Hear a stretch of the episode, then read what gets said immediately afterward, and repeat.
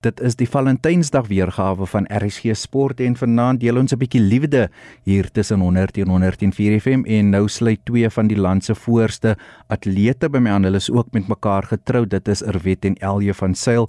Erwet, kom ons begin by jou. Welkom. Waar het jy die eerste keer vir Elje gesien?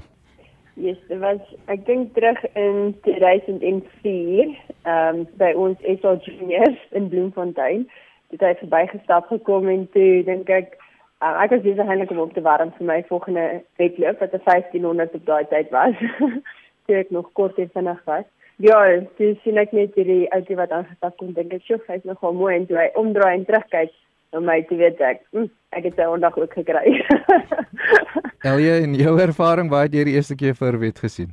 Ek uh Jody, uh, ek het haar ontmoet uh, ook in ja, 2004 nou hardloop by 1500 meter. Op stadium was dit nog die engine en die Absa reekse. Van daar wedlope af en, en ek dink ook die nuwe byeenkomste ding het ons mekaar gekry uh, dis my eerste herinneringe van Erwet. Erwet en uh, jy was 'n atleet Elje was 'n atleet. Hoe moeilik of maklik was dit vir julle om eerstens 'n verhouding te hê en dan ook julle loopbane 'n prioriteit te hou?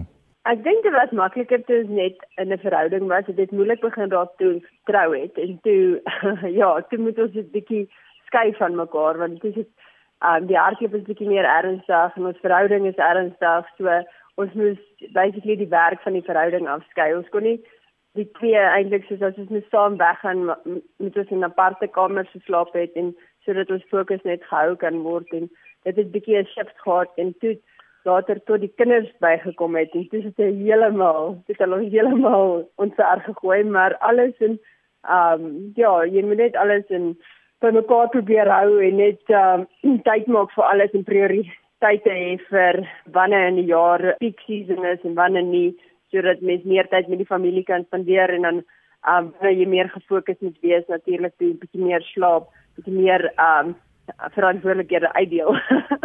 Alien vir jou, um, jy weet julle as atlete, julle reis baie, julle is baie op toer, um julle oefen lang tye van die dag. Um, so dis 'n bietjie moeilik. Hoe was die aanpassing op, vir jou om in 'n verhouding met 'n ander atleet te wees?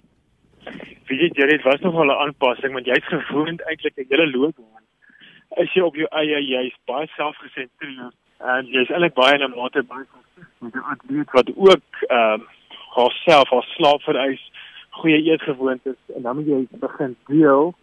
Dit is 'n definitief 'n groot aanpassing en veral vir die kinders, die twee seuns, en hulle is nog verdeelde aandag ook. Ek weet nou sy slaappatroon ook versteur. Ek kan nog so goed onthou, ons het altyd geoefen vir 2015 en dan spele in Rio de Janeiro. En ehm um, op 'n stadium is dit was ek so moeg geweest dat ek so net begin tande kry, ons het slaap, dit was 'n slegte slaap en ehm um, dit, dit was definitief 'n aanpassing, maar ek kan van die dag maak maak daai aanpassing maak jou verhouding definitief sterker. Julle hele lewe lank is net uh, selfsugtig as atletiek en dit is net jy en oefen jy wil beter. Maar jy weet jy is dan nou twee of vier of nee, drie ander mense ook in jou verhouding. Wat jy wat jy met hulle aandag het. Jy leer baie van jouself en definitief ook jou tydsbestuur is is definitief anderster. Er weet so na die verhouding jy het getrou, jy het nog gesê jy het swanger ook geraak en jy het nog steeds aktief deelgeneem um die rol, die ondersteuningsrol wat Elje in jou loopbaan gespeel het? Ja, ek dink jy mens kan dit aanpak sonder uh wel ek sou definitief kon aanpak sonder Elje nie. Um ja, yes, dit uh, gaan maar partykeer rof vir die huis, maar dan ten minste is hy daar en hy's my steunpilaar nog altyd gewees. Jy al die moeilike tye in die loopbane en ehm um, ja, deur die swangerskappe. Ek dink net hy was bietjie kwaai op my met die swangerskap, maar ehm um, ja, dis verstaan en maar ja, ek kon daarom deur albei nog fiks en aktief bly en elke keer nog vinnig terugkom na elke swangerskap. So ja, ehm um, en dit het net bygesit terwyl hy deelgeneem het en ehm um, was dit nogal moeilik die dieet want ek is groot op pasta en hy is groot op vleis.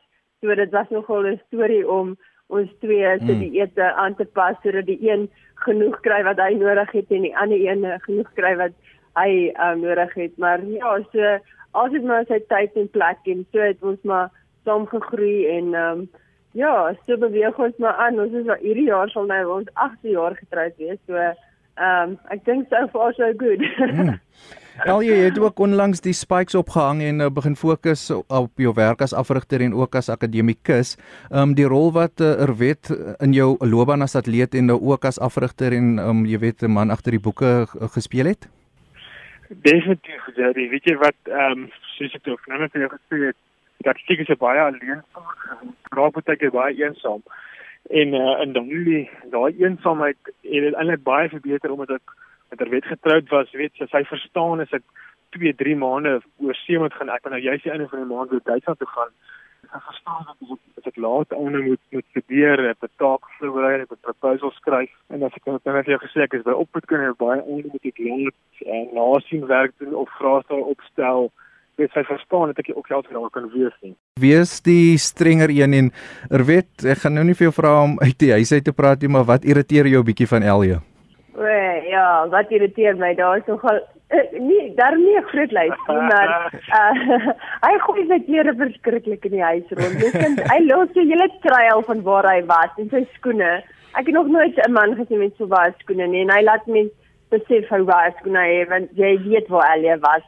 In een dag sal hy vier paar skoene gedra hê. So dis nogal irriterend en hoe hy net sy klere, hy dra so definitief vier stelle klere 'n dag ook en jy weet presies waar hy dit uitgetrek het want dis waar dit lê. so ja, dis basically al wat my sou irriteer en hy het nog nie 'n dag vandat ons eintlik uitgaan, het hy nog nie 'n dag in sy lewe 'n skool goed gewas nie. Elje, ehm um, hoe streng is is Erwet? O, ek het gehoop jy vra vir my. Ek sê wat my van haar irriteer. ek ek wil nie vir jou in moeilikheid kry nie. Weet jy, Jerry, ons sit baie keer net lekker. Is daar iets rond, skorrel goed of 'n koppie rond, dan vlieg hy daai nog op van daar af na daar. Dat nooit iets oor staan nie. Dit sê in sy hele dag hy skoon. Ons sit net lekker in TV kyk of net ontspan. Staan so op gaan hoe se doen se is. Die skool moet sy skoon. En dan er weet intussen eh, jou loopbaan en uh, getroud met Elje net is Valentynsdag vandag. Ja, ek dink die beste is ehm um, ek het vandag vandag en ja vir Valentynsdag.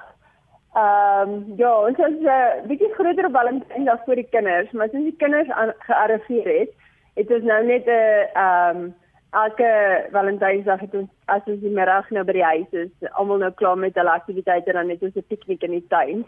So dit is nou die ding sinds ehm um, die kinders gearriveer het en Allie was daarom nog nooit eintlik groot Valentynsdag. Ja, wou ek was, maar ek nie maar aanpas by Alia dat ons nie goed het op Valentynsdag nie, maar sy ver werk die piknik nog goed met die kinders. Uh, hulle geniet dit en ons geniet dit saam met hulle. So dis maar dit en ja, soos ek sê as um enigiets uh, in die lewe mens vat dit so ver dit kom en lewe in die oomblik en moenie dink aan môre as jy nog in vandag is nie. Dit was nou jy's my volgende vraag Elie, wat was jou geskenk aan Nerwet vir jaar?